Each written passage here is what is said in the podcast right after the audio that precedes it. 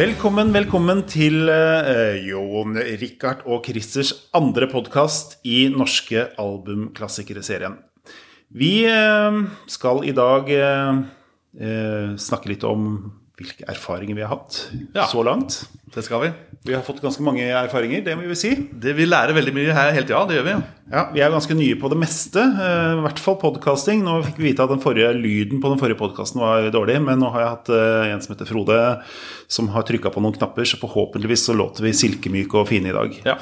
Men Jon Rikard, hva har vi lært? Nå har vi holdt på i over en måned, og faktisk i fem, snart seks uker. Ja, eh, vi har vel kanskje lært at eh, nå har jo nyhetens interesse og liksom lagt seg bitte lite grann. Så det som vi har lært nå, det er at eh, de små tingene kan overraske og gjøre det fantastisk bra. Mens kjente artister de faktisk sliter litt, eller må, må liksom bli, litt- bli stående litt stille og må kanskje hjelpes litt i gang og, og holdes varme. Da, kan, kan du godt si. Hva, hva er det du er mest overraska over av alt vi har, har fått inn? Ja, det er lett å svare på det. Det er Boastein. Jeg hadde Ja. aldri hørt om det noen gang før. Hvem var det, liksom? Jeg regner med at altså, Når Christer kom med forslaget at vi skal ha han, han, uh, Heter han han Arvid? Arvid, ja. Kom, skulle ha en sånn skive hver, liksom, som man, som man skulle velge ut sjøl. Hver 25. utgivelse. Så tenkte jeg at ah, ok, det er jo sikkert en sånn der, uh, ukjent sak som blir liggende og støve, og som ingen vil ha. Men uh, så kom dette her, da. Og jeg hadde jo aldri hørt om dette her. Boastein før. og Plutselig bare voff, tar det av som en rakett. da Jeg skjønte jo ingenting.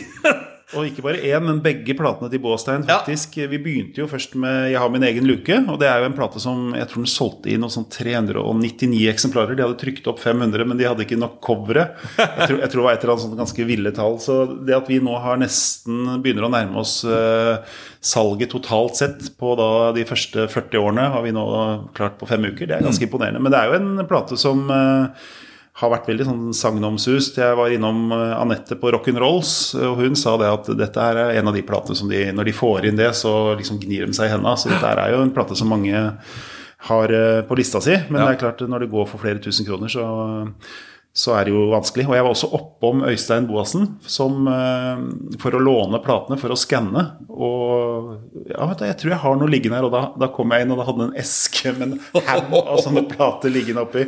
Og da fikk jeg litt sånn Shit, er du klar over hva du sitter på? Jeg åh, orker ikke. Jeg driver med filmmusikk. Jeg orker ikke å styre med sånt. Så han, eh, han eh, sitter nok på en liten gullbare der. Ja. Jeg kjente faktisk en cover på andreskiva, det må jeg si. da Å oh ja, der, da ringte jeg en liten bjelle. Så det, det, det coveret har jeg sett før. Men, men låtene og 'Jeg har min egen luke' det var totalt ukjent. Men det var utrolig gøy da at, det, at noe sånt kan komme sånn helt ut av det blå. Bare pjuff, ta alle på senga. I fall, ja. Gleder oss til For nå er vi jo på album nummer 41. Nå er det bare ni album til Arvid skal inn med en ny snåling. Så Ja. vi får se hva det er for noe. Håper at det går like bra. Men jeg er også litt overraska over eh, noe som er liksom gått igjen hele veien. Det er at eh, de platene som fortest blir crowdfunda, det er ikke nødvendigvis av de som selger mest etterpå heller. Det virker som det er sånn Nå er vi i mål, og da virker det som det har funnet sin lille eh, nisje. Mens f.eks. da Mooseloose, som var ganske tidlig, jazzplata som vi ga ut Vi sleit litt med å få den i land. Den sto ganske stille, og så plutselig så begynte det å røre litt på seg. Men den er jo nå allerede nest mest solgte plata av alle de 41 vi har gitt ut. Og det er også noe som er ganske spesielt. fordi Eh, utlendingene har jo uh, skjønt at vi har en ganske sånn ræva side, Vi bidrar.no for utlendinger.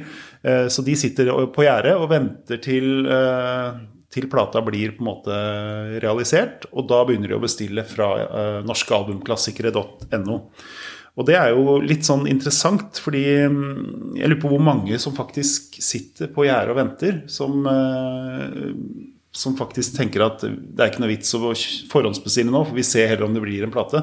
Og det er liksom gøyalt at det er jo det vi prøver å unngå, at folk skal tenke akkurat Ja, sånn. det er det. For det er jo hele poenget er at det er jo en slags dugnad, dette her. Og vi, vi merka jo nå på Alex, som ja. fikk en helt vanvittig innspurt. Ja, altså Den plata hadde jeg totalt avskrevet. Det, dette kommer ikke til å skje. Det var synd, for det irriterte meg. Jeg hadde så lyst på den skiva. Jeg, jeg har jo alle på LP, da. Men eh, altså tenk også Med så kjente navn og Alex han vanvittig standing da, i, norsk pop, pop, pop popliv på, på 70-80-tallet. og liksom, Du var egentlig en av våre aller største stjerner, men så eh, jeg tror Universal bare glemte å gi ut samleskive med henne. Og og da liksom ble det, det ble liksom ikke noe mer. da Så gikk jo jeg dama bort i 2013, og det, da klart da er det jo ingen som holder, holder, holder det varmt. Eller musikken hennes. Så det, den, den ville jeg ha på CD. altså Ja, det husker jeg. Du var utrolig oppgitt over Ja. at den gikk så dårlig. Og litt overraskende òg, for den har jo solgt ganske bra. Ja, eh, og fikk eh, fikk masse bra anmeldelser og liksom Spellemannsnominert til begge de to første skivene. Ja.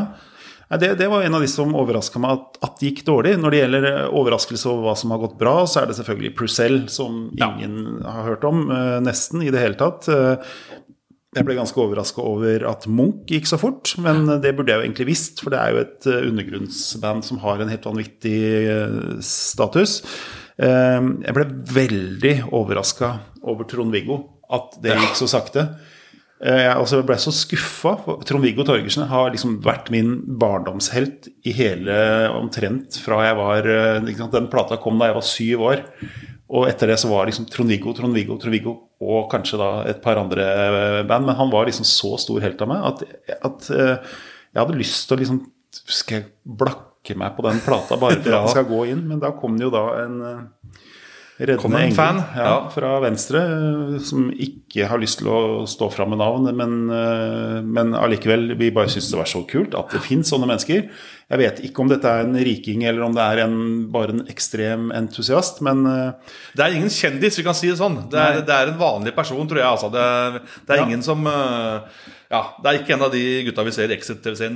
Det er helt vanlig, helt vanlig mann. ja, og det er heller ikke Trond-Viggo Torgersen Nei, som noen har heller eh, trodd det var. For det, det kunne jo Jeg ville i hvert fall, hvis jeg var artist og så at det mangla Ja. liksom 5000 kroner, så hadde jeg jo putta inn bare for å unngå Det er jo morsomt å ha sin egen skive. Det er mange artister som ikke, som ikke har sine egne plater engang. og Nå vet jeg ikke åssen det er med han, men eh, Nei, men akkurat, men det var heller ikke Trond-Viggo. Så Nei, det, det er faktisk uh, ganske gøy at det fins Og så har vi jo merka at det er noen sjangere som sliter mer enn andre.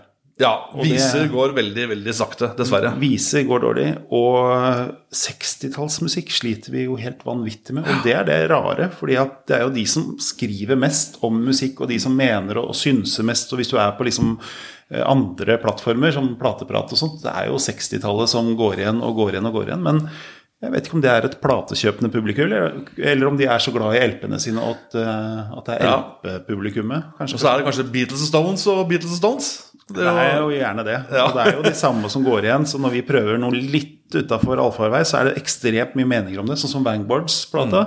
Som eh, Jeg tenkte vi begynner et sted. Vi tar den ja, Vanguards hjemme igjen. Det er et greit sted å starte. Ja. Og da var det ekstremt mye meninger om den plata. Det var liksom ikke en, en ja, noen mente at den ikke var bra. Og liksom, ja Og det er veldig gøy, fordi eh, det var jo et kjempekred-band, og så begynte de å, å synge på norsk, og da var det veldig sånn der, mange som mente at dette var et sell-out-band.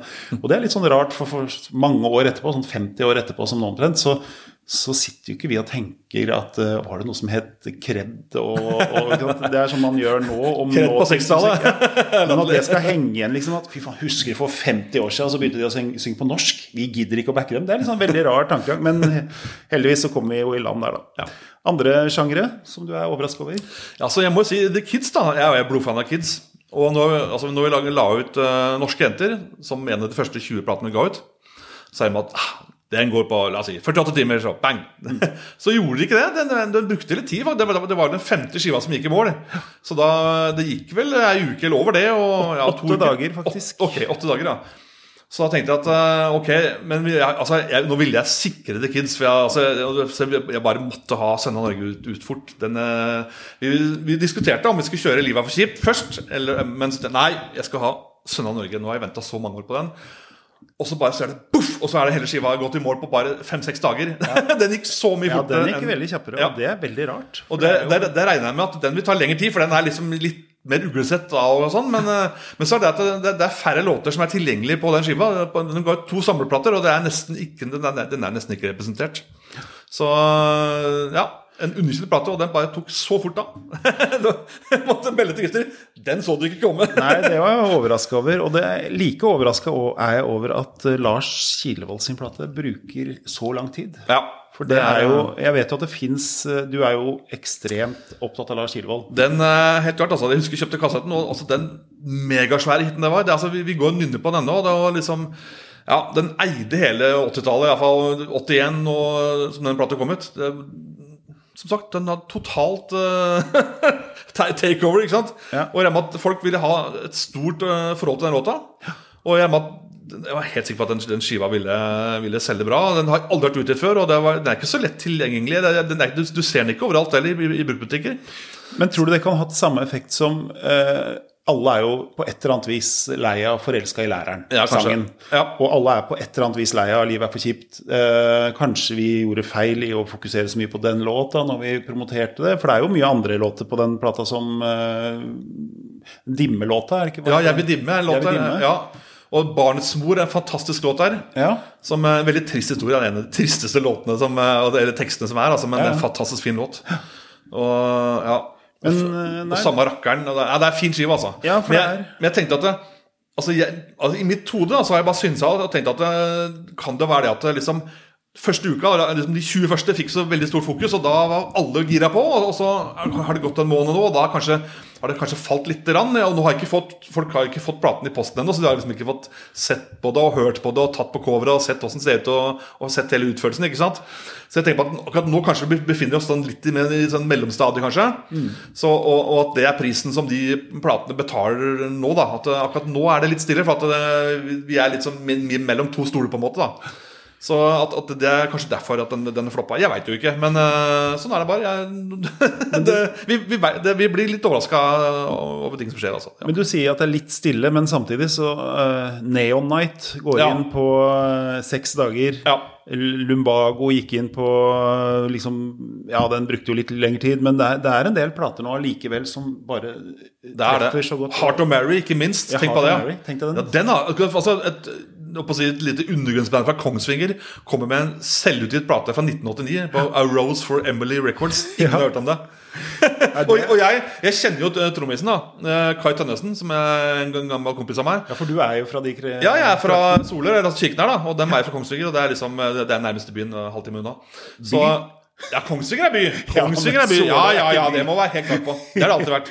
Ok, jeg skal ikke inn i en eh, krangle meg på noe Kongsvinger. Men i hvert fall, altså jeg Der er var jeg litt inhabil. Altså, jeg ville ikke flagge en skive så høyt. For jeg tenkte at eh, nei, nå skal ikke jeg Nå skal ikke jeg gå og bu liksom Eller hva på jeg si Jeg var litt inhabil, følte jeg, da. Men, eh, men så var det så mange andre som begynte å, å snakke om skiva og begynte å jobbe for den skiva. Og klart, Du har jo Levi Henriksen, som er anerkjent stor forfatter, ikke sant? Som, som også er med i bandet og, er, og spiller jo sjøl og har gitt ut masse plater, også han òg. Ja. Så øh, ja, og det begynte jo Helt uavhengig av meg, så begynte, det å gå en sånn veldig sånn derre Ja øh, Heter det sånn Mange som begynte med, ja, melde interesse for den, da. Ja, ja, ja, det er veldig Men det er klart, vi merker jo hvor fort eh, Hvor mye det har å si med lokale oppslag. Ja, Og det er jo sånn Nå har jo eh, Glåmdalen vært ekstremt flinke, og jeg tror de har lagd tre saker på Heart of Mary at den kanskje skal gis ut på CD.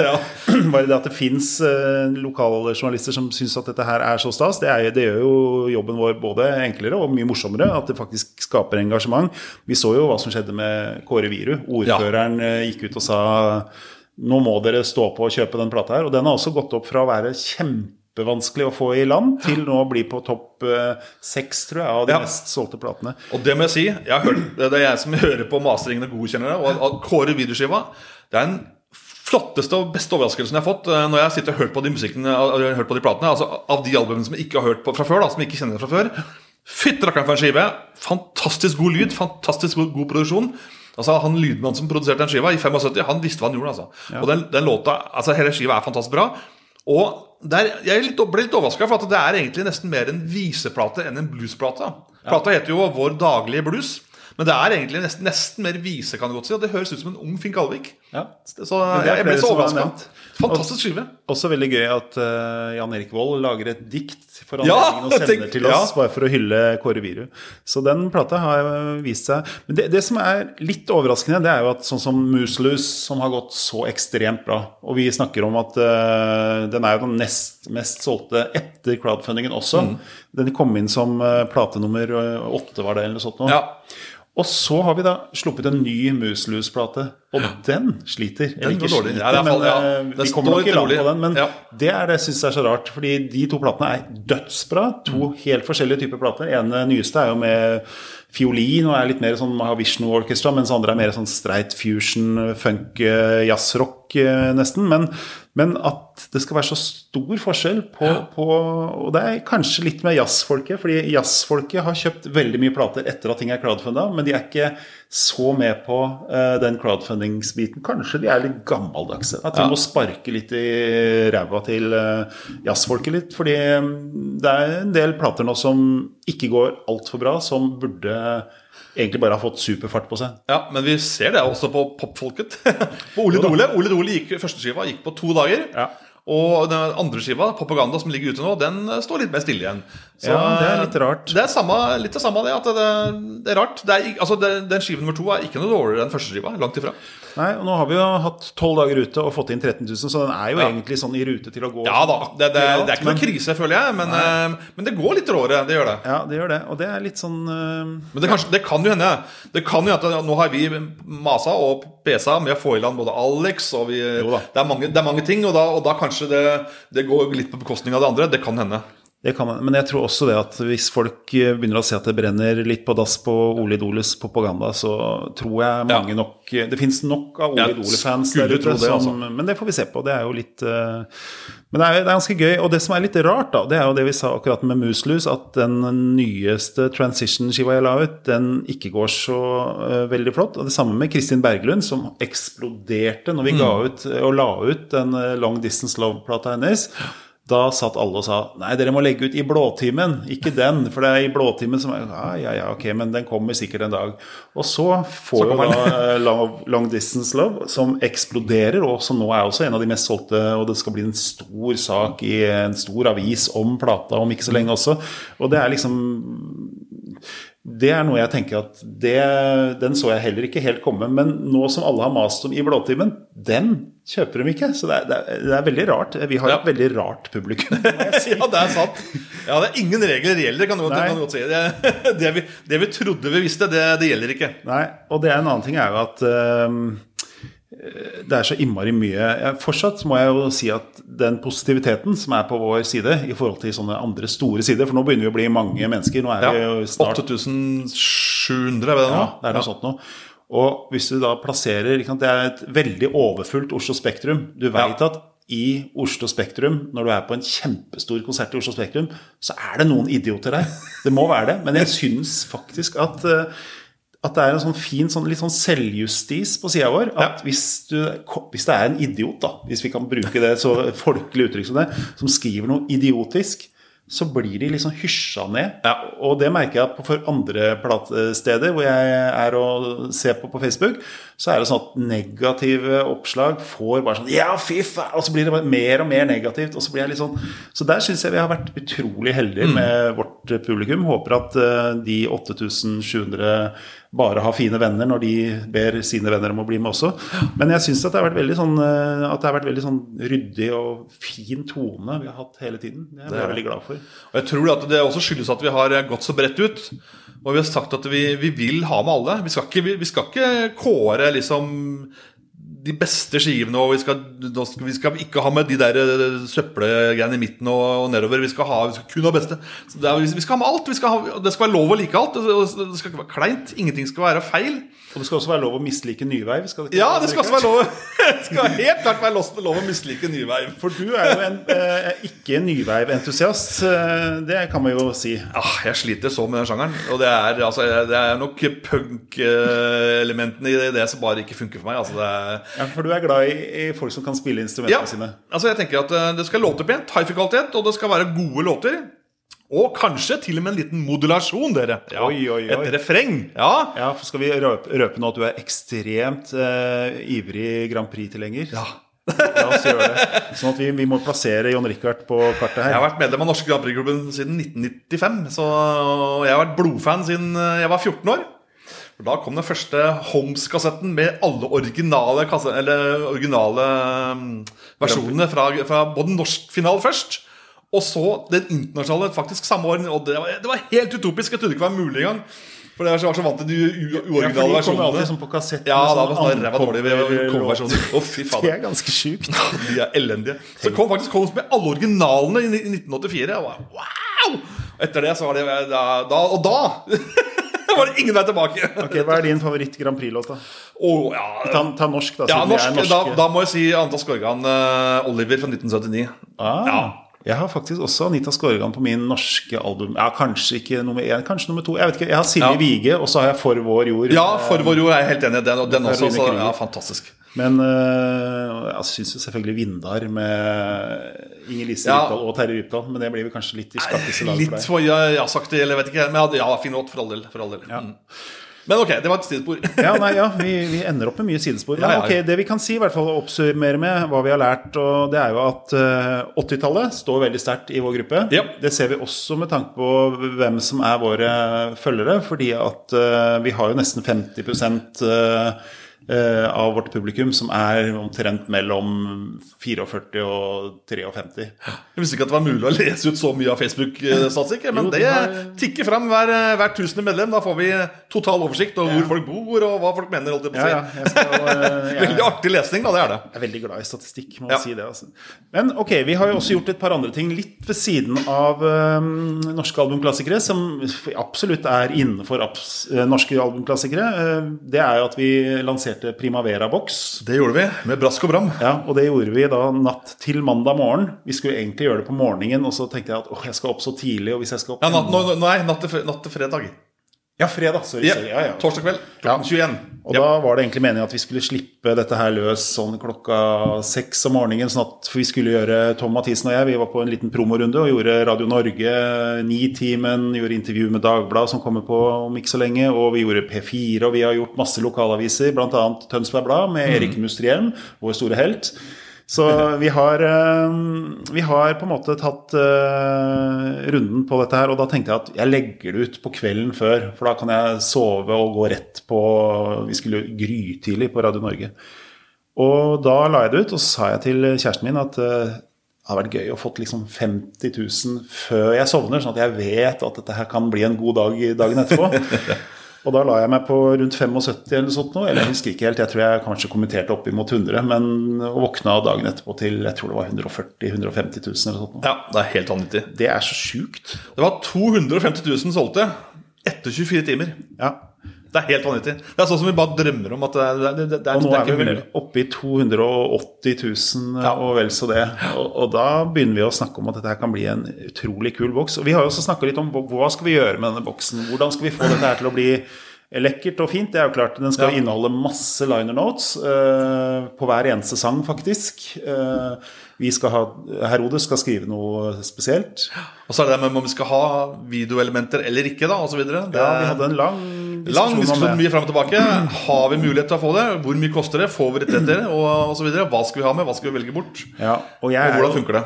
helt gæren på når det gjelder å være konseptuell, at hvis vi hadde putta på liksom to filmer, men mangla én, eller noe sånt, så hadde jeg følt meg skitten. Jeg Ja. mener at eh, ja, men jeg, fik, jeg fikser ikke. Jeg fik, enten så må det være komplett, eller så må det være sånn eh, Det vi egentlig driver med, er jo musikk og Ja. lyd. Så det at vi plutselig skal røre oss inn i en DVD-verden, da skulle jeg i hvert fall tenkt akkurat på samme måte at da skulle hver eneste ting Primavera noen gang har gjort, på TV, film, video, hva som helst, på DVD-er, alt skulle være der, på en måte. Og det begynte vi å tok en runde på det. Vi tok eh, Herodes, eh, eller Kim, eh, sitter jo i Gran Canaria og sitter egentlig på veldig mye av dette her. Han eier veldig mye sjøl, men han eier eh, ikke NRK-opptakene. Nei, og, og så er han bare deleier av Olan Hellige. Ja. For det var det Filmkameraten som har. Ja. Og det var en uh, papirløs sak. Ja, det er jo Filmkameratene er vel det det heter nå, men det Ja. het noe annet da de spilte det inn. Og der er, okay, det var så mange folk. Og så er det ikke sant Skal man gjøre en CD, så er det ikke så dyrt. Det er, du ser jo det, vi kan lage en helt lekker CD med liner notes, remastera, for 30 000 kroner. Mm. Men eh, hvor langt kommer du på vei med en eh, liksom, i filmverden med 30 000 kroner? Da, da rekker du akkurat en sånn to sekunder scene, og da har du en som skal sminke, og så har du en som skal drive med kostyme, og en skript, og en som kjører kamera. Det er så mye penger involvert i film at vi liksom, hvis vi hadde gått til noen og sagt vi tilbyr dere 40 000 kroner dette her, så hadde de antageligvis Er du dust? Så, Ja, så, så akkurat når det kommer til film og alt som har med bilde å gjøre, så er det så mye dyrere at eh, det skal mye til. Men som vi også har skrevet litt, at eh, vi har jo ikke gitt opp en DVD med Primavera, en DVD-boks med Primavera. Det Kan jo hende det kanskje, kanskje kommer en volum to hvis vi er riktig heldige. Og Ja. hvis vi kanskje får, får søkt litt penger og, og får litt, litt stønad til, til opprensing og sånn, kanskje. Hvem vet? Ja, for det er jo litt av greia er at uh, det er ikke bare nok med dugnad fra deg og meg og 8700 følgere på norske albumklassikere. Fordi hvis vi skal tenke i den retningen, så er vi helt avhengig av å få med Kulturrådet og eh,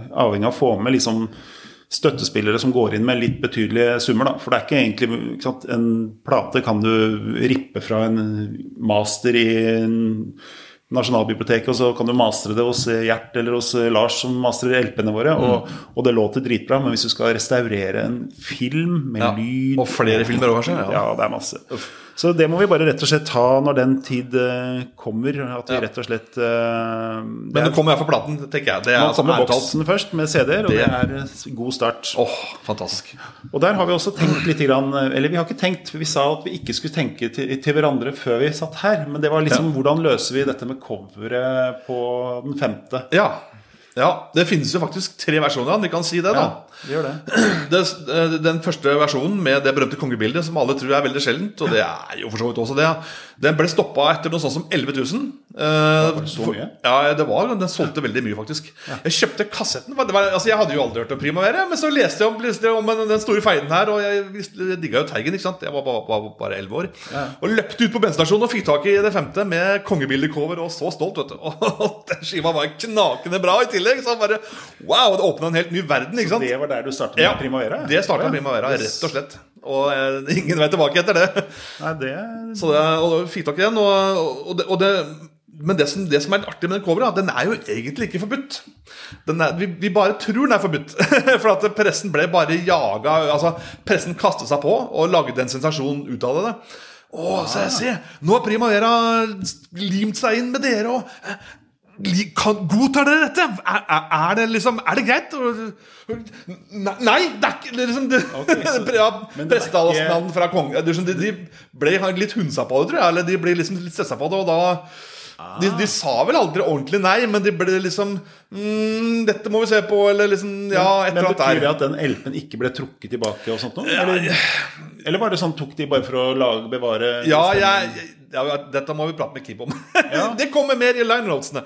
Men i hvert fall, eh, jeg, jeg skjønte som sånn at eh, Ja, det er, det er litt grått, litt gråsoner her, men i hvert fall så ble med, de, de avtalte at vi, vi presser skiva i kveld og kjører på, og så stopper vi salget i morgen. Liksom, eller, okay. det, ja. Ah, de var gamle, Så de var, smarte ja, det er falsk. Han har alltid vært en luring. Ja, det, det hadde vært gøy hvis det var Ja. sant. Jeg trodde faktisk den var uh, Så nå skulle jeg liksom si at nå skulle vi være gærne og ta sjansen på Ja. Men det vi snakka om, da, det var jo at uh, det kom jo Vi har jo ikke satt noen begrensninger på hvor mange vi skal trykke av Primavera-boksen, så den kommer til å komme. Men det kunne kanskje vært gøy å sagt at de første X, jeg vet ikke hvor mange, men la oss si de første 500 eller 1000 eller sånt, inneholder eh, det da ulovlige, som kanskje ikke var så ulovlig allikevel, kongebildecoveret, og at neste opplag inneholder en eh, del to som er det andre coveret. Og hvis det skulle bli et tredje opplag, så kan vi kjøre det tredje coveret, bare for Ja. å være litt konseptuell og Jeg kan si fort om eh, de, hvilke tre versjoner det er. Som Ja. sagt, Den ble stoppa etter 11 000. Eh, Så eh, tok de det berømte bildet under oppstillinga og åpning av Stortinget. De spratt inn på, på eh, Grand Hotel der og på, på toalettet og skifta dresser og kasta seg ut midt i gata. Var, der sto jo hele gardisten og alt lina opp. eh? Og så stive, og alle klarte å ta imot kongen. Gutta kaster seg ut i folkemengden. De hadde ikke spurt om lov eller fått tillatelse. Det hadde de aldri fått. Så både de tre da, og journalisten som tok bildet en, eh, Ja, i hvert fall, jeg hva han heter, men fall han eh, fikk tatt bilde i løpet av 30 sekunder under det. ikke sant? Og det er jo fantastisk bilde. Og vet at Haros Falsk faktisk liker det coverbildet faktisk bedre enn det, enn det kongebildet. bare så jeg sagt. Oh, yeah. Men, eh, men, men de hadde jo dårlig tid, da. For de måtte jo, altså, det var jo etterspørsel i markedet etter skiva, og de hadde jo stoppa forrige versjon. Så Derfor så lagde de eh, coverbildet fort og gærent, med bare svart-hvitt-bilde og den femte bare logo. Men der er da ikke bein, eller buksene fargelagt, sånn som det alltid har vært kjennetegnet til primæret. Alltid de, at de har på seg grønne strømpebukser. Ja, ja. Men det rakk de ikke gjøre her, faktisk. ja. så, de, så bildet er svart-hvitt, og de er, har på seg bare de vanlige grå er det olabukser, eller vanlige, vanlige bukser, i hvert fall. Ja. Så Så det grønne det kom helt det grønne det kom, tredje det kom som sesong, tredje versjon. Ja. Og det er den andre utgaven, som ikke er fargelagt. Det er den som er hypersjelden. Og den er svindyr. Jeg har ikke sånn prismessig tall på det, men jeg vet at den, det er den som samlere er på jakt etter.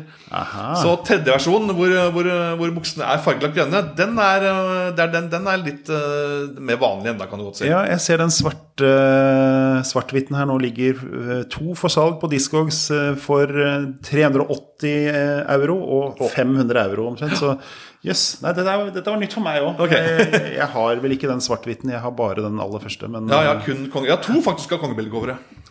men ok, men vi skal, vi skal kna den ideen litt, grann, og så skal vi se hva vi ender opp med. Men eh, ja, jeg, jeg liker tanken på at vi gjør det i rekkefølge. Førsteopplaget skal være den første, andreopplaget skal være den andre, og tredjeopplaget, hvis, det da, hvis vi kommer så langt noen gang, blir eh, tredje bildet. Så da blir det kanskje andreopplaget som blir mest sjeldent hos oss. da. Må det opplegget være veldig lite, for det var jo andreopplag på, på LP-en også, selvfølgelig. Ja. Det er litt slemt mot samlere her nå, føler jeg. Ja, nei, men vi får lage en spesialdeal med folk som Ja, vi får, vi, vi får se hva, hva det blir for noe. Vi skal ikke melke og tyne folk. Vi bare liker å være litt sånn å holde oss til det konseptuelle grunnideen. Så det er litt sånn der. Det er samme med Act, f.eks., som nå ligger på eh, crowdfunding-lista vår. Uh, Den kom jo da med gullcover. altså Gullbokstaver. Står med gullbokstaver. Og der har vi snakka med Trine og Kim, som er designerne våre, og de sier at uh, det er ikke noe problem å lage det. Det bare koster flesk. Men da har vi bestemt oss at det første opplaget nå på Act, hvis vi kommer i mål på den, skal vi gjøre da med gullskrift. Og da begynner vi å få litt sånn der eh, med boastein, som da har eh, printa nummer på baksiden av vinylen, eller av vinylen. Skal vi også begynne å nummerere? Åh, jeg, jeg kjenner at jeg blir litt svett, men vi har ikke kommet helt til boastein ennå, for vi har en del andre plater. som Vi har Creation med sølvskrift på uh, The Real Thing. Er den i sølv? Den er Å sølv. nei, nå har du sagt det. Blir, dette blir dyrt for oss. Men da må vi gjøre sølv. Jeg vet at Kassettversjonen, som vi kjøpte først, den kom i mørk brunt. Oh, ja. Yes, Så der, der, den er ikke sølv på kassett. Så jeg, Du får lov å bestemme. Skal vi gjøre sølv, eller skal vi gå for billigvarianten? Ja, det nå er, vi får, Det blir mye dyrere, må tro. Ja, det blir ganske mye dyrere, men Det det. det er ikke noe vi dør av. altså, jeg tenker at den er faktisk fin i mørk brun. tenker jeg altså, ja, jeg hadde regna med at vi kanskje kjører den. eh. Eller skal vi la det være sånn åpent eh, i kommentarfeltet? Skal vi kjøre sølv eller brunt, så kan vi la publikum bestemme? Ja, det kommer godt til, ja. Ja, vi gjør det. Vi, vi lar, eh, så nå tok jeg først og ga deg, og så tok jeg den tilbake igjen. Men jeg tenkte at det er litt gøy at folk er med på det også. Men Ja. Det skal ikke være så stor eh, forskjell at ikke, vi dør nok ikke av den. altså. Ok, skal vi si at vi har prata ferdig om Primavera? ja. Da har jeg lyst til å ta opp en ting som, eh, som er en gjenganger på siden vår. Og det er det som heter bonusspor. What? Og det er ikke hørt om det. Nei, det er, eh, det er faktisk en eh, Det er en, et godt Jeg vet at du er på begge sider, Ja. eh, og, og jeg er helt på andre sida. For jeg mener at det vi gjør, er å skal hylle album. Vi skal ikke hylle artistkarrierer eller lage samleplater eller noe sånt noe. Men du har jo Du er 50-50, er du ikke det? Ja, altså, jeg, jeg kjøpte jo CD-spilleren min første CD-spiller i 1985, og, og da var det fra starten av veldig vanlig med bonusspor. Og vi betalte jo 30 mer for platene våre på CD enn de som kjøpte plater og kassetter. Så da tenkte jeg ja, det, da skal vi ha mer musikk også. og og mus, altså CD og bonusspor det er jo liksom eh, passer som hånd i hanske. ikke sant? Ja. Så eh, det er, det er forståelig at folk eh, vil ha det. Jeg skjønner jo det.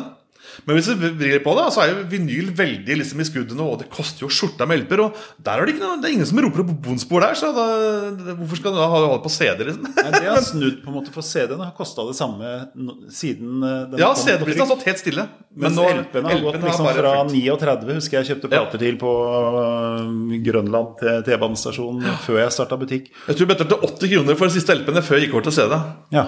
80 kroner i 1985, tror jeg. Mm. Og nå er de oppe i altså, 250 og, og, og nesten 300 kroner Ja. for en ny plate. Pluss at du gjerne skal ha porto på en hundrings og litt til. Ja. Så det er liksom det er, Du kan Ja. få nesten to og en halv eh, plater i vår serie for samme pris som en LP. Ja.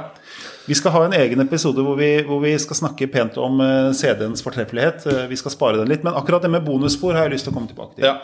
Og det er jo litt eh, eh, vi, vi skjønner jo at dere som er der ute, har lyst på bonusspor. Det er, jeg har ingen problem med å forstå det. Men jeg vil at dere skal skjønne litt grann hva det vil si, hva dere ber om. Fordi vi har jo da kjørt 30 000 kroner, som, eller 150 folk som skal kjøpe platene våre. Det er liksom, Da har vi skrapa det helt ned. Da har vi null inntekter på det. Inntektene våre kommer eventuelt på det salget som kommer etter at vi er break even. Vi kunne selvfølgelig satt 35 000, men det hadde ikke vært noe gøy, for da måtte vi vente enda lenger. Ja, og da blir det enda tø- tøffere å nå målet. Så hvis vi skulle hatt et bonusspor, da La oss si det er en artist som har tre singler i tillegg til den plata si, og that's it. Da må vi da kjøre ut mastere på hver av de på Nasjonalbiblioteket. Og øh, vi har gjort en fin liten avtale med Nasjonalbiblioteket, men vanligvis så koster det rundt 1500 kroner pluss arbeid å kjøre ut én master. Og hvis du da tenker tre eh, singler, så er det en, en master er en master. En, der ligger det enten en EP, en sang, et helt album, eller kanskje det er tomt. Jeg husker når vi gjorde Teigen-boksen, så, så kjørte vi ut masse mastere fordi det sto ikke helt klart hva som var på disse masterne. Og for å finne det ut, så må vi kjøre det ut, og så må vi få filene og høre hva det er. Og som regel var det ingenting, eller at det lå bare en dublett av et gammelt album, så hadde de markert litt dårlig. Men hvis vi da finner disse masterne til denne, dette bandet som har gitt ut én plate og tre singler, så må vi da først kjøpe disse tre singlene. Og så bonusspor er jo Hva er egentlig bonusspor? Uh, bonusspor kan være veldig mye rart. Det kan være et TV-opptak, sånn som vi gjorde med Teigen. Vi tok jo bonusspor der. tok vi alle Grand Prix-låtene. Tok I dine øyne, som var uh, fra et uh, Rondo eller et eller Ja. annet sånt TV-program. Ja. Ja. Og, og, og da begynner vi å snakke om Da bør det med? Skal det Så skal vi ha demoversjoner, må vi ha med selvfølgelig. Ja, demoer, ja. Single A og B-sider, outtakes, alternative versjoner. Ja, rehearsal, sånn her, studio Ja, ja. run-through. Det er masse Og det er så mye som kan hva kalles hva bonusspor. Og vi Ja. vet at hvis vi hadde putta på de tre singlene på dette albumet, så hadde sikkert noen sagt ja, så fint. Men så hadde det selvfølgelig vært noen av dere der ute som er veldig glad i å, å grave og forske, og det er jo Hva med den låta? Hva med B-siden? De var med på en samleplate. Og, og, og da, jeg merker at det er så demotiverende. Vi skal lage albumklassikere. Og vi skal hylle plata, og så sitter folk og snakker om alt som ikke er på plata. Jeg mener at eh, det er det eneste jeg syns er kjedelig å lese om på sida vår, det er det maset om bonusspor. Ja. Ellers syns jeg all, Jeg elsker å sitte her og fikle og svare og, og, og se hva folk eh, diskuterer.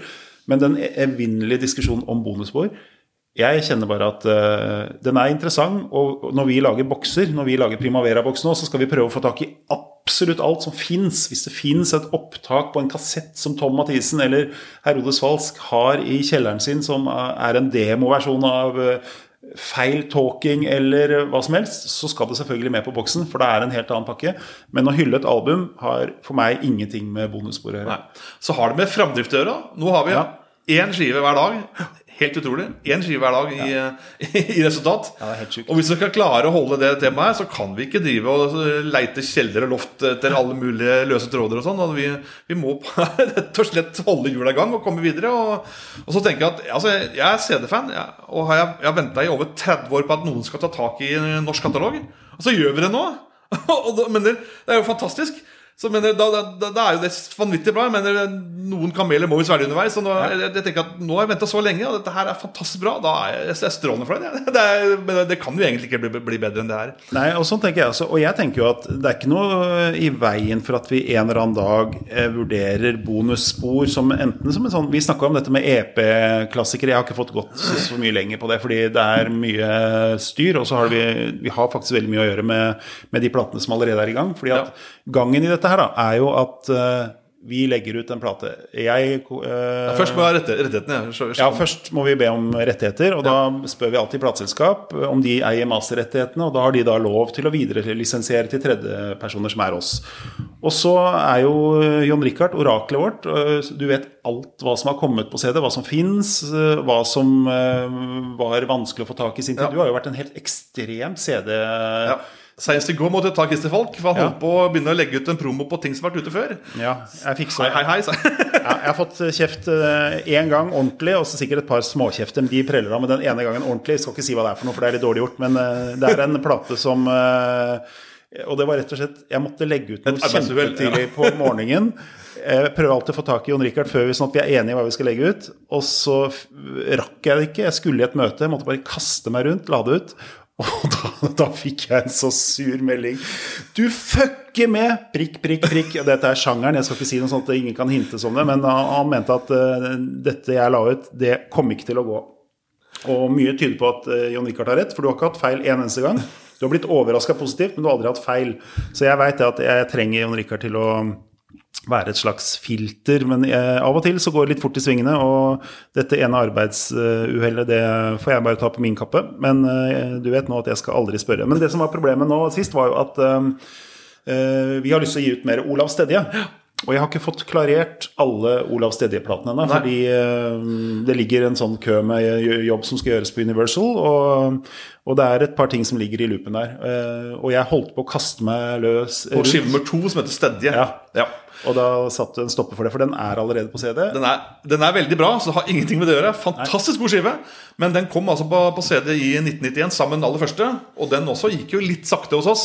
Ja. Uh, og du vet, altså Internett har jo Det funker jo slik at da er det lett å få tak i ting. Og sånn er det med det også. Så Derfor så var jeg bestemt på at vi skal kjøre på tredje stedje og Silje. Det er de to neste vi skal ha. Og da, naturlig nok da starter vi med tredje stedje. Men så får jeg melding av Christer da, i går om at uh, dessverre så har Universal, Universal et problem der. De finner ikke kontrakten hans. ja, eller hva det er for noe. Jeg var et eller annet i hvert fall som gjorde at, uh, at vi ikke har fått et sånn endelig ja ennå. Men jeg, ja. jeg, regner med at vi får det, og det er jo sikkert ikke noe vanskelig. Men problemet er at uh, det, må, det sitter jo én person på Universal, og, og vi kommer liksom Hei, kan du klarere disse 100 neste platene her? Og for hver eneste jobb og hver eneste plate, så må hun da, Cecilie, veldig fin jente som jeg har kjent i mange år, som sitter nå og og jobber ganske mye eh, for oss. Og det er ganske mye jobb i forhold til hva de får igjen for det. Bortsett fra at de får selvfølgelig filer når dette er ferdig som de kan legge ut på nettet og alt mulig. Men eh, de må jo da grave i gamle kontrakter, finne ut er, hvor lenge har vi rett til, hvor lenge er og, og, og, du kan tenke deg dette her er et selskap som har holdt på i mange år, og plater som har gjerne skifta eiere, vært på ett selskap, vært på Warner, som har, eller EMI som har blitt Warner, Virgin som ble EMI. Det, det, ja. det, er mye følgefeil. Mye ja. ja. så det er, det er, ganske stor jobb i forkant som disse stakkarene må gjøre for oss. Men uh, vi får bare håpe at uh, For Olav Stedje må jeg innrømme at jeg var sånn medium fan av før vi begynte med dette her. Men jeg har hørt så mye på den uh, første skiva hans at jeg, jeg syns det er så bra. Jeg, mm. jeg syns det er helt sjukt bra. Og det er jo vestkyst uh, James Taylor på norsk omtrent. Så jeg, ja. alt traff 100% innertier der for meg. Men uh, jo, uh, det er en ganske stor jobb. Så akkurat det med bonusspor, det kommer til å ta minst like mye tid å grave opp som det å lage en plate. Og det kommer til å koste mye, mye mer. Så, og vi liker tanken på at en plate skal Vi, vi liker den 150 personer eller 30 000 kroner, litt hvordan du ser det. Uh, og hvis vi begynner å ha merkostnader på 10 000 kroner, så må vi gå opp, og da ser det veldig ureint og ustilig ut. Ja. Så jeg, kjenner at jeg bonusspor. Eh, på boksene våre så skal vi være verdens beste på det, men disse enkeltplatene er vi ikke så interessert i. Men jeg tror jeg, dette var en avsporing av noe jeg begynte å si om EP-klassikere. fordi ja. jo, det kan godt hende at vi kan lage noen samle-EP-er, kanskje putte på fire-sju-tommere på et eller annet uh, sted. Hvis det er en artist som liksom har en veldig konkret og enkel, oversiktlig plate, og, og gi ut Kalle det for en EP, da. Bare for å lage en sånn lavterskelgreie. Men også det er jo ekstremt mye jobb ingen penger. Så vi må nok prioritere album, som vi egentlig gjør nå. Men på sikt så kan det hende at vi kaster oss litt rundt og, og leker litt med den tanken. Så dere bare får det ikke på den plata. Så de bonussporene må eventuelt bli en eget sidesak. Og det kan godt hende sånn som artister som bare har enkeltlåter. Eh, det er mye sånn 60-tallsting og sånt noe. Kanskje vi lager egne bokser etter hvert med det, men der blir det jo veldig mye sånn rettighetsgreier. fordi at for hver eh, enkeltspor så må du også gjennom samme rettighetsmølla. Og du kan tenke deg når stakkars Cecilie på Universal eller uh, Fred på, på, Sony eller uh, Hvis de skal sitte der og koke med så mye kål for én låt, som da er én av 20 låter på en CD eller sånt noe, jeg veit ikke om det er verdt det. Men uh, kanskje. Hvis vi blir rike en dag, så skal vi kanskje Da får vi bruke litt tid. Men jo, bonusspor. Dere får det ikke. Sånn, er det bare. Jeg må si det, da. Altså Jeg kjøpte en CD med Alan Parsons Project, eh, som var remastera og deluxe editions. I det var liksom ordentlig med ordentlig nine og masse bonusbord. Og der var det halve skiva over det var liksom eh, bare demoversjoner. Det, Det, ja. så veldig rotete ut, og du visste ikke helt hva, hva For meg som ikke er blodfan av akkurat dem, da, men, men jeg hadde bare lyst på å høre de skivene, for jeg vet at det er bra. Og liksom, og da ble det liksom Hvor stopper skiva? Hvor starter Bondeslåtene? Og liksom alt var bare Det, det, ble det fløy Ja, det ble overkill, altså. Jeg ser den. Vi har også fått et par spørsmål om hva med dobbeltalbum, som er for lange for én CD. Det, har vi, det er jo noen plater, sånn som typ eh, Leve Patagonia. Den, den går vel på to CD-er. Ja, det er trippelalbum. Ja, det er trippelalbum som går på to Ja. CD-er. Det må vel nesten bli trippelalbum, dette her, eh, som kom på LP, fordi alle trippelalbum går på to CD-er. Ja, alle dobbeltalbum bør nesten gå på én. Jeg tenker som så Er det under åtte minutter, så tar vi det på en, en CD. Jeg tenker at det er veldig eh, ryddig og fint å ha alt på en CD. Jeg vil, jeg vil helst ha det sånn. Det er enklest og det er best. Og mest miljøvennlig og prismessig og alt. Men klart, hvis det er skiva er for lang, så du må ha to CD-er, da kjører vi to CD-er. Så Ja. enkelt som det. Ja. Ja, så du tenker ikke at hvis for vi skulle gi ut 40-årskrigen med Stavanger-ensemblet og, og Ketil Bjørnstad Så skal den på én CD. Ja, du vil ha det? Ja, Den er på én CD. Ja, den, ja, den er det. Den er på én CD. 74 Den minutter. var ikke dobbel, den. Jeg har den. Okay. Jo, altså, det, ja, nei, den er den var, Jo, men den er- Altså, skiva dobbel, CD er enkel. Ja. Ja, ok. CD er jeg, tro, jeg trodde jeg hadde den på en dobbel CD, men da har jeg drømt. Nei, Men greit. Da- er det, men det fins Det må være noen sånne gode eksempler. Det var et veldig dårlig eksempel. Her kommer jeg liksom og slår i bordet med det ene eksempelet som er helt genialt, og så var det feil. Men ok, vi, vi kommer i hvert fall til å måtte ta de eventuelle utfordringene etter hvert som de kommer. Det er ikke flust av norske dobbeltalbum, det må sies. Det er ikke mange av dem. Nei. Eh, I dag er det jo da søndag den eh, 21. februar. Eh, nå på tirsdag så kommer de fire første albumene inn på lager.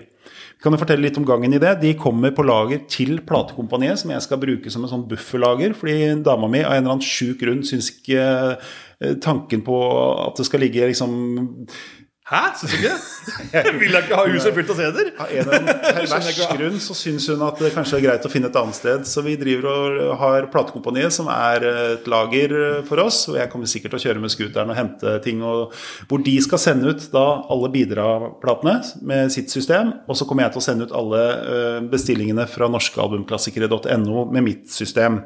Eh,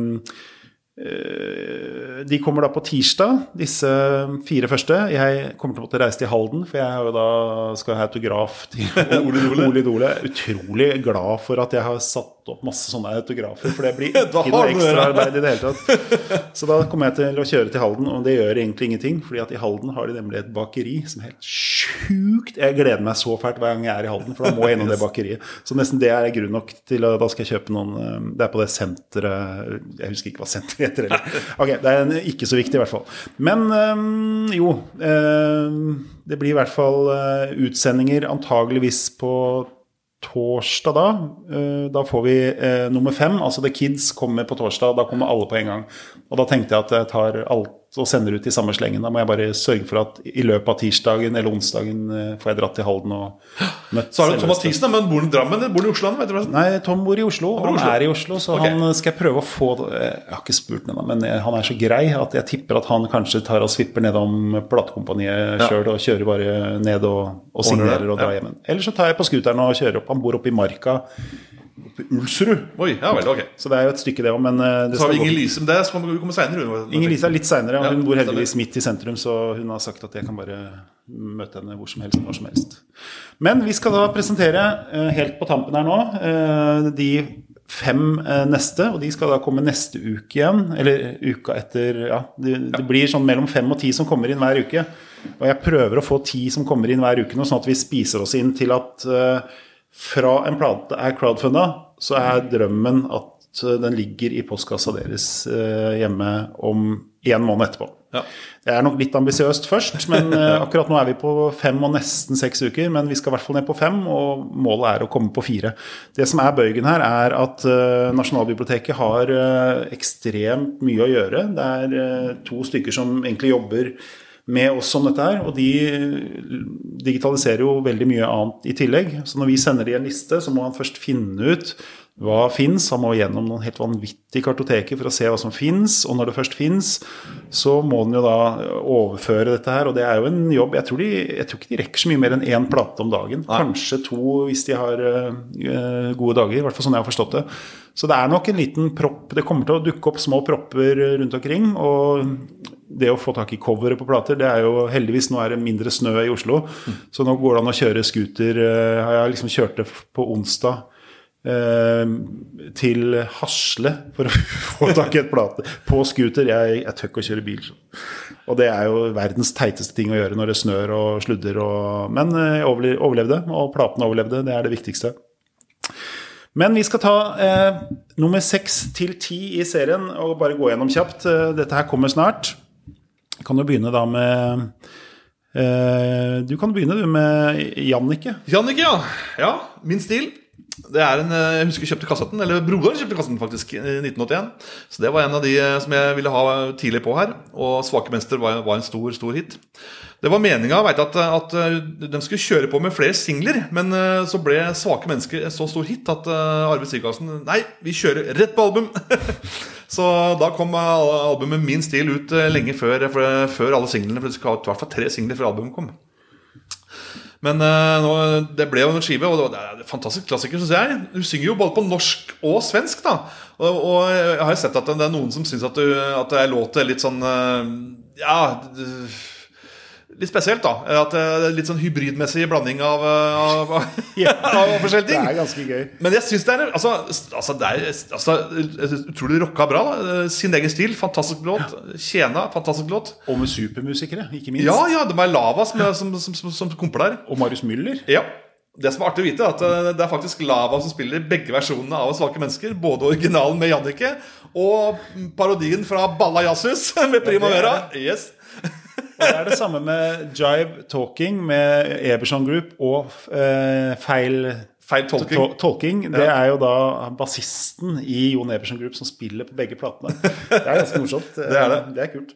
Eh, jo, eh, jeg kan ta neste. Det er Blaupunkt, Oslo-band. Eh, det er jo eh, Tone Rønning som er vokalist, og Ola Snortheim bl.a. fra Sirkus Modern og Langsomt mot nord. Depress, er ikke jo, Depress bl.a. Og Harald Håkstad og Kåre Berntsen på gitar. Og de starta eh, i bandet Ski Patrol, og alt dette utvikla seg til å bli Blaupunkt, som eh, hadde en veldig kort eh, karriere. eh, Ble bare ett album. Eh, Det er jo mange som har sagt at den plata har fått altfor lite oppmerksomhet i forhold til eh, hvor bra han er, og at den på en måte ikke har kommet inn i en sånn førsteelver når nyveib-klassikere eh, ramses opp. Og det er kanskje bra med dette konseptet her, at dette kan gjøre at eh, Bladpunkt kommer litt inn i, i eh, gode selskap igjen. Og så har det vært å nevne at de har tatt navnet sitt da, fra tysk bilstereo. Ja. For de som ikke kjenner Bladpunkt, det er eh, jeg som jobber på Volkswagen, og vi solgte vanvittig mange Blaupunkt-radioer. Det, liksom, det var liksom folkeradioen, på en måte. Nå er jo alle, selges alle biler med ferdig radio integrert i bilen, men før så måtte du kjøpe alt løst, og da var Blåpunkt var eh, sånn standard salgsvare. Men, Jeg ja. husker det fra gammelt av. Ja. Ok, eh, Prucell er jo en annen plate som eh, er et eh, prog-rock-band. Eller jeg veit ikke om vi kan kalle det 100 prog, men det er i hvert fall eh, prog for meg er jo veldig, veldig lange låter. Mens Ja. eh, Prucell har ikke så innmari lange låter, men de er jo det som er gøy med Prucell, er at det begynner ofte som en veldig god popmusikk. Litt sånn Beatles-inspirert popmusikk, og så sklir det ut i en eller annen sånn litt rar form, nesten alle låtene deres. Eh, også instrumentallåt på plata. Det er altså, de er fra Nordstrand, samme område som jeg bor i Oslo. Eh, gjeng som eh, spilte sammen i eh, mange år. Eh, begynte å få en karriere. Spilte på Kalvøya og spilte på masse av disse store festivalene. Vant en sånn stor konkurranse på Klubbsju. Og når de da endelig skulle ta av, så ble de frastjålet alt utstyret sitt eh, i en bil som sto på Jabru, rett ved siden av matkroken hvor jeg bor. Der sto den bilen, og da ble de frastjålet hele Anlegget, musikkrekket sitt og fant ut at det gikk ikke an å gjenskape dette her, og de ga opp etter det. Så det er en plate som eh, ikke har fått så mye oppmerksomhet, uh, verken før eller etter. Fikk gode anmeldelser når den kom, og døde vel egentlig litt eh, ut med at bandet la opp og ikke kom seg videre. Men uh, i ettertid nå så er det utrolig mye. Jeg merker sånn på utenlandske prog-sider har du begynt å skrive om det. Masse bestillinger på Prusel fra andre land. Uh, og det er liksom, dette her tror jeg også er noe som i, i veldig ånd med det vi har tenkt. At Ja. utrolig gøy når eh, når eh, når eh, Vet du hva? Jeg, jeg driter meg ut nå. Vi er jo på de neste fem, vi nå. Men, Ja, ok, men vet du, vi, kan lage, vi kan ta en hel en med alle sammen. Ja, vi kan bare nevne at det, Når vi først nevner Brussel, da, det var den skiva som vi kanskje hadde minst tro på før vi starta. Vi, vi tenkte at vi, vi prøver, kjempegøy, vi prøver, men det er den, det er den vi har minst tro på. Sånn å nå ut med å, klare målet. Ja. Men eh, det gikk som det suste, altså. Det hadde jeg også veldig lyst til å få til, så der Ja. gjorde vi ganske mye promojobbing Ja. og, og sto på litt ekstra. Og det var kult med bandmedlemmene også, som eh, Marius, annet, som, som både signerer og som på en måte syntes dette var gøy og delte ditt og stilte opp på intervjuer og masse sånt noe. Men ok, vi, kan ta, vi tar alle de ti neste platene. Da, Ja. da ble det plutselig eh, en litt lengre podkast. Men ok, montasje. Det er jo eh, Kjøtt vet vi jo alle hvem er. Um, kjøtt ble oppløst og tok vel egentlig to veier. Helge Gårder gikk i retning eh, kunst, mens um, eh, Michael Krohn gikk i retning rock. Ja. Michael starta Raga Rockers, um, Helge starta montasje. Men for å sørge for at ingen skulle tro at de var uvenner, så hjalp de hverandre. Michael spiller tromme på én låt med montasje, og Helge er vel med å skru lyd på første Raga Rockers-plata. Så det er jo en veldig kunst, eh, kabaret, nyvær Det er jo en spesiell opplevelse å høre den skiva. Jeg må vel kanskje kunne si det. Ja, du, du klarte ikke å høre på den. Jeg hadde store problemer her. Jeg prøvde å satte meg ned med et åpent sinn og visste at det her var sagnomsuste greier. Og... Men så er det det med nyvervsangeren at det er jo ikke noe som er så veldig. Helt Ikke meg i det hele tatt. Nei, du sendte en melding, at- tror jeg, hvor du skrev 'Jeg fikser ikke dette'. Rett og slett. Nei, det, ble, det begynte greit, men så bare falt interessen bare mer og mer. Og liksom ikke var, Låtene var veldig sånn ustrukturelle. Det var ikke noe å ta tak i noe sted, følte jeg. Og det, det hørtes mer ut som noen marerittaktige lyder fra høstutstillingen. Så Nei, beklager, folkens. Okay. Der eh, har de mista meg. Terningkast én, marerittaktige lyder fra høstutstillingen. Hilsen Jan Rikard. Ja, montasje er i hvert fall eh, Om du liker det eller ei, så er det et eh, stykke musikkhistorie. Og eh, også veldig sånn delte meninger, tror jeg, når den plata kom. Fordi de gikk jo fra kjøtt og hadde liksom sitt publikum. Og når Raga Rockers er kanskje litt mer naturlig utvikling av kjøtt enn den Helge Gårder og montasje tok. Så jeg ville bare kjøpt den, og så hørt Ja. sjøl. Det er noe sånt. Ja. Neste plate på lista er Inger-Lise med 'Feeling'. Det er da selvfølgelig Inger-Lise Rypdal. Ja. Det er også en fin skive, altså. Det, det er jo med meg, da. Ja, det som er en streit popfyr. Det som er artig med, med skiva, at det er eh, Altså Folk forbinder jo Inger Lise Rypdal med, med treff, og det gjorde egentlig jeg òg. Men poenget er at hun har altså en, en eh, parallell solokarriere karriere da, med, med masse utgivelser. Og, og de, de er mye mer originale låter på, og er mer egenart. Og det er fine skiver. Blant annet har du Terje Rypdal som var gift med, da, som, som skrev to låter på den skiva og spiller gitar der. Og den eh, skiva var det første som ble spilt inn på det splitter nye talentstudioet som, eh, som, var åpnet, som åpna da. Og den skiva har fantastisk bra lyd. Jeg har eh, godkjent eh, den masteringa på den skiva. Fantastisk god lyd. Og det låter sånn ordentlig sånn god 70-tallslyd. Altså, det er eh, mektig og stort. Så det, og fantastisk fine låter. Og så er det vel en sånn brytningspunktplate for Inger-Lise òg, fordi at Ja. hun eh, Jeg vet ikke når hun gifta seg med Terje Rypdal, men eh, det er jo to originale Terje Rypdal-komposisjoner. De er Ja. selvfølgelig to minutter lenger enn de andre låtene, og sånne ting. Sånn. Og veldig kunstneriske i forhold til i hvert fall det Inger-Lise var kjent for på Ja. begynnelsen av 70-tallet. Men så har den også noen sånn coverlåter og litt sånn, litt sånn eh, Gjør litt, ABBA og litt andre, andre, ting- andre ting også. En veldig rar og sammensatt plate, men jeg syns den er kjempebra. Og de to Rypdal, eh, Terje Rypdal-låtene er jo nesten eh, Det er jo verdt for, for de som ikke er nødvendigvis opptatt av Inger-Lise, så skal man ha dem allikevel pga. Terje Rypdal-låtene. Og så avsluttes albumet også med en duett med Jahn Teigen som heter 'Nå vil jeg gå alene'. Ja. Så, så lang og fin skive. altså 50 minutter lang. Og det er eh, ja, fant, Og det coveret oh, altså. Ja, det, kommer, du det er det, Nydelig, nydelig bilde. Det er det fineste bildet Ja. jeg tror jeg har sett av en norsk artist noen gang. Jeg tenkte at hvis jeg noen gang eh, finner ut at grønn skal være liksom grunnfargen i huset mitt, så har jeg lyst til å bare blåse opp det bildet av Inger-Lise på forsiden og ha det over hele, hele stua. Mm. Kan hende at jeg også der vil få problemer hjemme, men allikevel. Altså, hun er så utrolig mystisk og vakker og spesiell. Det, det bildet er, det er sånn helt magisk. Mm. Ok, vi går videre, vi. Moose loose. Eh, elgen er løs. Dette her er jo da eh, et eh, initiativ fra Brynjulf Blix, som spiller keyboards. Helt fantastisk fantastisk bra. Det er altså så høy verdensklasse på det bandet der. Og starter funker bra. Ja. Det er veldig, sånn, eh, veldig variert skive, faktisk. Ja, ja. Men det er jo da med Jon Eberson på gitar, og så er det mm, Ja, det er vel eh, Faderen. Er ikke Det ja, Paul Thomsen er vel- Pål Thomsen spiller trommer, ja. Og så er det vel eh, Sveinung Hovensjø på bass. Ja, Ja. det er det. Og det er jo en, en reinspikka fusion-plate, nesten. Eh, hvor eh, Det har vel ikke vært så mange sånne norske plater. I hvert fall hvis ikke Paul Towson var involvert på et eller annet vis, som har kommet til Norge. Merker at det er en eh, veldig sånn internasjonal plate. Det var vel ikke så mange som drev med så reinspikka fusion på midten av 70-tallet. Ja, kom i 74, så det er litt sånn forut for, for sin tid. Ja. Og ja, nei, dette er i hvert fall en uh, plate som jeg ha, hadde gleda meg til, og veldig glad for at vi fikk uh, til å gå gjennom. Vi kan jo ta K Kristin Berglund, uh, 'Long Distance Love'. Ja, Det var Norges dyreste skive. men Ja. Den kom i 1979. Så, og det er ikke så rart når du ser på eh, alle musikerne som er der. Spilt inn i både USA og England.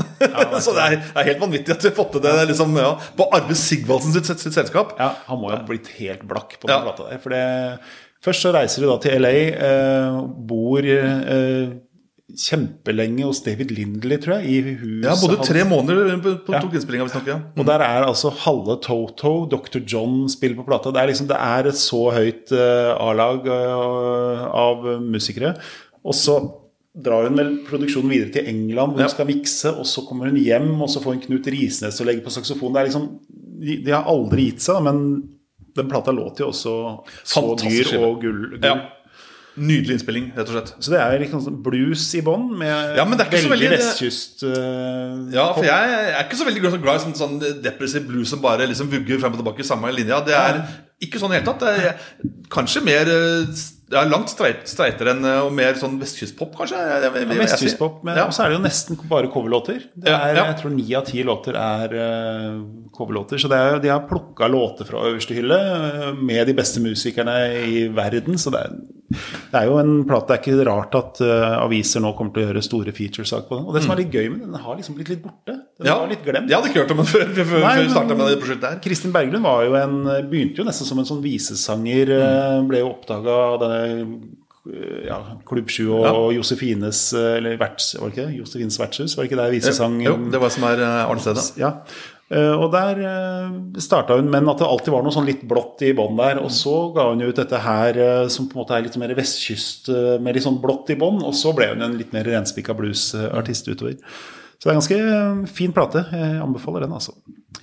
Du kan jo ta en av dine store helter, Ja, Lars Mjøen. Lars Mjøen. Det er jo selvfølgelig eh, Alle forbinder med Brønne Dahl og, og humorgjengen KLM. Men han er jo eh, altså, Han har vært, glad i å synge og bodd i studio. Han var i studio hjemme også. Og den skiva kom ut på Dekka i 1974, var det det? Ja. Så, og, og ikke minst da backup av Popolace Populace, eller Popovoo. Så det låter stødig, og det er en fantastisk bra skive. Eh, og med en liten humorsnert. da Han, han har sagt sjøl at uh, hadde det ikke vært for Øystein Sunde, så hadde han vært Øystein Sunde. rett og slett. Og det hører Og du det sant. veldig at det er liksom Øystein Sunde snakker jo mye fortere. Ja, det er mer tempo, da. Det er det jo. Men, men eh, han har jo akkurat det de samme vendingene. og- Ja. Så det er litt uh, finurlig humor. Ja. Dette er eh, Sunde på valium, nesten, i forhold. Men uh, veldig gøyal plate. Uh, Den har jo vært gitt ut i en eller annen variant. Ja, to utgaver av den finnes faktisk. Den, Ja. kom, eh, den heter jo 'Singing in the Brain', originalen, som det vi har valgt å trykke. Men så ble den nyutgitt i 1979 under navnet Nest siste nytt. For da var, det hadde KLM eller administrert som et Nynytt. Og da valgte man å ta et nytt bil- coverbilde, og da het den Nest siste nytt. Men det er samme skiva, da. Okay. Og så er det jo to uh, låter av André Bjerke der også, som, uh, ja, som uh, han visstnok også satte pris på. Jeg har tjuvlest livenotene til Arvid, ja. Arvid, ja. Er fin skive, altså. Den, Ja, og så kom den jo ut på nytt igjen, i hvert fall deler av Ja. plata, på ret retrospektløst. retrospektløst. stemmer. Det var en liten samleskive som kom ut i Var det 500 eller 600 eksemplarer i, i 1995. Og eh, der mangla det var det to eller tre låter for at den skal komplett. da Men eh, det, det bryr ikke vi oss om. Nå vil vi ha det ordentlig, så da, Ja, ja. da nå får vi skiva i originalcover og i korrekt rekkefølge. Sånn den skulle så, være. Sånn som skal være. Så det, og det var også Lars Mjøen veldig interessert i sjøl. Det er veldig morsomt. Ja. Han uh, gikk ut på Facebook-sidene våre og sa at Mm, nei, nå har jeg tenkt på Ja, jo, det er faktisk på tide å gi ut den på nytt igjen. Ja, Lars har vært veldig positiv til dette her, og det er litt gøy. Det kommer sikkert mer eh, fra den katalogen. Han har hinta oss om en eh, viss spektralplate, så det, kan vi kanskje se om vi 14 med. håpe på at det går i orden en dag. Kanskje. Et annet band som du har vært veldig på, eh, er eh, Tramteatret. Ja, det er stor fan av det. Ja, det må være et av de bandene du har eh, mest forhold til. Det i hvert er, det er det. det er det. Klart, Jeg er jo halvsju generasjon, selvfølgelig. Så med Serum Serum og Pelle Parafin, selvfølgelig. Og de ga jo ut skiver med, ja, med musikk fra TV-seriene, men også Back to the 80s. Det var det store gjennombruddet i 1980, og for dit. Men eh, vi valgte jo da først eh, å, å gå helt tilbake til debutskiva, som heter eh, Deep, sea, Deep Sea Thriller. Som da var en eh, si, en slags ja, det, det skjedde vel samtidig, eller var det uka før Bravo-plattformutblåsningen i 77? Ja, så den plata ble veldig aktuell uh, ut ifra det. Og coveret er jo tegna som en sånn der fæl katastrofe på, på, på, på- på. Og, og skiva er eh, Det er egentlig eh, plate eller soundtracket til et teaterstykke eh, som hadde premiere samme året. Og fikk mye bra anmeldelser, og, eh, og som, eh, men som har blitt litt, litt glemt da i ettertid. Den, den, er, den er ikke representert på noen samleplater, eller sånt, for den, eh, ut, de to første platene ble utgitt på mai. Og de to, de to platene eh, er blitt litt glemt sånn i ettertid, men eh, vi valgte å starte med den for å spare litt eh, de mest kjente sangene, så vil de gå helt til fra starten. Ja. Og det, ja. Og det er litt sånn vi har prøvd å gjøre hele veien, at det er gøy å kunne starte fra starten og gi det ut kronologisk. Ja. Det kan jo hende at det handler om at vi har litt OCD begge to, men det kan også hende at jeg liker kronologien, og så Ja. syns jeg at vi skal ikke gå rett på biffen, liksom. Nei, det er greit å fordele godsakene litt, Ja, tenker jeg. og så er det jo liksom at akkurat den plata er jo den som kanskje har solgt minst og er smalest eh, med Tramteatret. Ja, Det er ikke så mange hits der, det er det ikke, men det er en veldig fin skive. altså. Det er det. Men det er også det at det er litt gøy å begynne der, for da Ja. vet vi at da skal det vel være mulig å få resten til, hvis den går inn, på en måte. Mm. Og Liv Åkvik er jo stor fan av oss. Eh, liksom, ja, den skiva har jeg ikke, så jeg gleder meg, jeg også. Ja, ja, hun er veldig ivrig. Det er hun som Ja. starta Tramteatret. Hun Ja. er jo superivrig på uh, vår uh, norske albumklassikere på CD på. Facebook. Og skriver og kommenterer. Og veldig, det det syns vi er veldig gøy. Det, Det må vi det, si. Når artister sjøl Går går inn og skriver og demonterer og, og kommer med tilleggsopplysninger. ja. Det syns jeg er kjempegøy. Så vi må dra inn flere artister inn her etter hvert. Altså, vi har jo ganske mange allerede. Ja. Eh, Jeg tror um, Inger Lise har vel vært innom. Ja. Uh, Lars Eh, Mjøen har og vært innom. Dramagutta, vet jeg. Cruisel-gutta, Dramagutta. Uh, Jannicke har vel ikke vært innom, men hun skriver Følger med i hvert fall, Ja, ja. Mm. følger med. Eh, Og Tramteater, ikke minst. Um, siste, nå er vi da oppe i uh, nummer 15. Aha. Eh, det er Bobby Jar. Å ja. Det er jo da et band som eh, ja, Det er litt nyere nye wave. Ja, ja. Det, er jo, liksom, det er jo ikke den nye nyveiven som du ikke er så glad i. Nei, det er litt mer eh, mus- musikalsk, da. Ja, litt, kanskje litt mer Jeg, jeg tenker liksom De starta jo i gamle um, Kafé Lysthuset, som var liksom gamle punkeklubben som ligger i nærheten av der hvor Blitz ligger nå. Uh, hvor de starta, og Pål Værlien uh, i bandet sang jo i hærverk, og det var jo ganske klassiske punketing. Men uh, de fikk jo med seg på en måte det musikalske som skjedde på 80-tallet, hvor ting ble litt eh, kanskje mykere og litt mer melodiøst. Ja. Og jeg tenker at hvis Lou Reed hadde spilt inn plate med Psychedelic Furs eller The Cure eller noe sånt noe, Ja. da hadde du kanskje fått i nærheten av det som uh, Ja, Bobby da- driver med. Jeg la merke til at det var i hvert fall veldig mye mer øs da og Ja. eh, liksom på den, på den skiva som, som vi valgte gi først. Som da var andre skiva. Så det likte jeg veldig godt, faktisk. Jeg ble litt overraska over det. Ja, så hvor, hvor, hvor bra Yes. låt. Ja. Det her det skal jeg Det bruke mot deg resten ja, av det må dere. Ja, men det, vi har i hvert fall putta det under punk og nyveiv. Den kommer til å bli diskutert, den, eh, den eh, delen der også. At du, det er så vanskelig å sette ting i kategori. Og så er det jo noen sånn som Vi har et ønske om å gi ut plater som har gitt ut plater i forskjellige sjangere. Sånn som eh, så, ja, sånn Kristin Berglund, da, som ga ut eh, egentlig en sånn visebluesplate først. Og så kom en vestkystbluesplate, og så kom hun med en ren bluesplate. Så det er sånn vanskelig Jeg liker liksom helst at artister skal være i samme med Hold deg med det farge. Ja. Nei, da, nei, det må du gjerne gjøre, men, men at i hvert fall i vårt system at det ligger i samme riktig sånn koder. Men jeg ser jo det at eh, vi sliter jo med Tramteatret som er lyseblå, som står for 70-tallet, som går over til mørkeblå på 80-tallet. Og så er det Jon Neverson Group, som ikke ikke er eh, så drøyt som kanskje det, vi kategoriserte den som jazz. Ja. Jeg vil jo si at Polarities, eh, som vi har inne nå til det er jo en lava fusion-aktig, tenker jeg. da, men eh, Nei, vi, vi kommer nok til å møte oss sjøl i døra på Ja. den kategoriseringa vår. Men det eh, viktigste er at, eh, at eh, det ikke blir sånn helt gærent. Men akkurat nyveiv og punk, vi burde kanskje liksom kalt det for alternative. Kanskje vi skal bare gjøre det, så slipper vi det bråket. For dette her er jo mer alternative, som det het. enn, eh, Eller undergrunn, en, eller, ja. Undergrunn, kanskje. Munch også, som kommer seinere. Hvor er det de skal være, liksom. Men ok. Skal vi si at dette det var en veldig lang podkast. Ja, men eh, jeg har ikke kjeda meg, og Nei. håper ikke dere har kjeda dere så mye der hjemme. Eh, Da, jo, da hører dere ikke hva vi sier nå, for da har dere er skrudd av. Så da er vi jo løst uansett. Men eh, vi ses i episode tre, og fortsett å spre kjærlighet og glede. Det er utrolig kult å se så mye engasjement, at det fortsatt eh, trykket holdes oppe, selv om eh, kanskje salget har duppa litt, men det skulle det nesten bare mangle. ja. Yes, takk for oss. Takk for oss.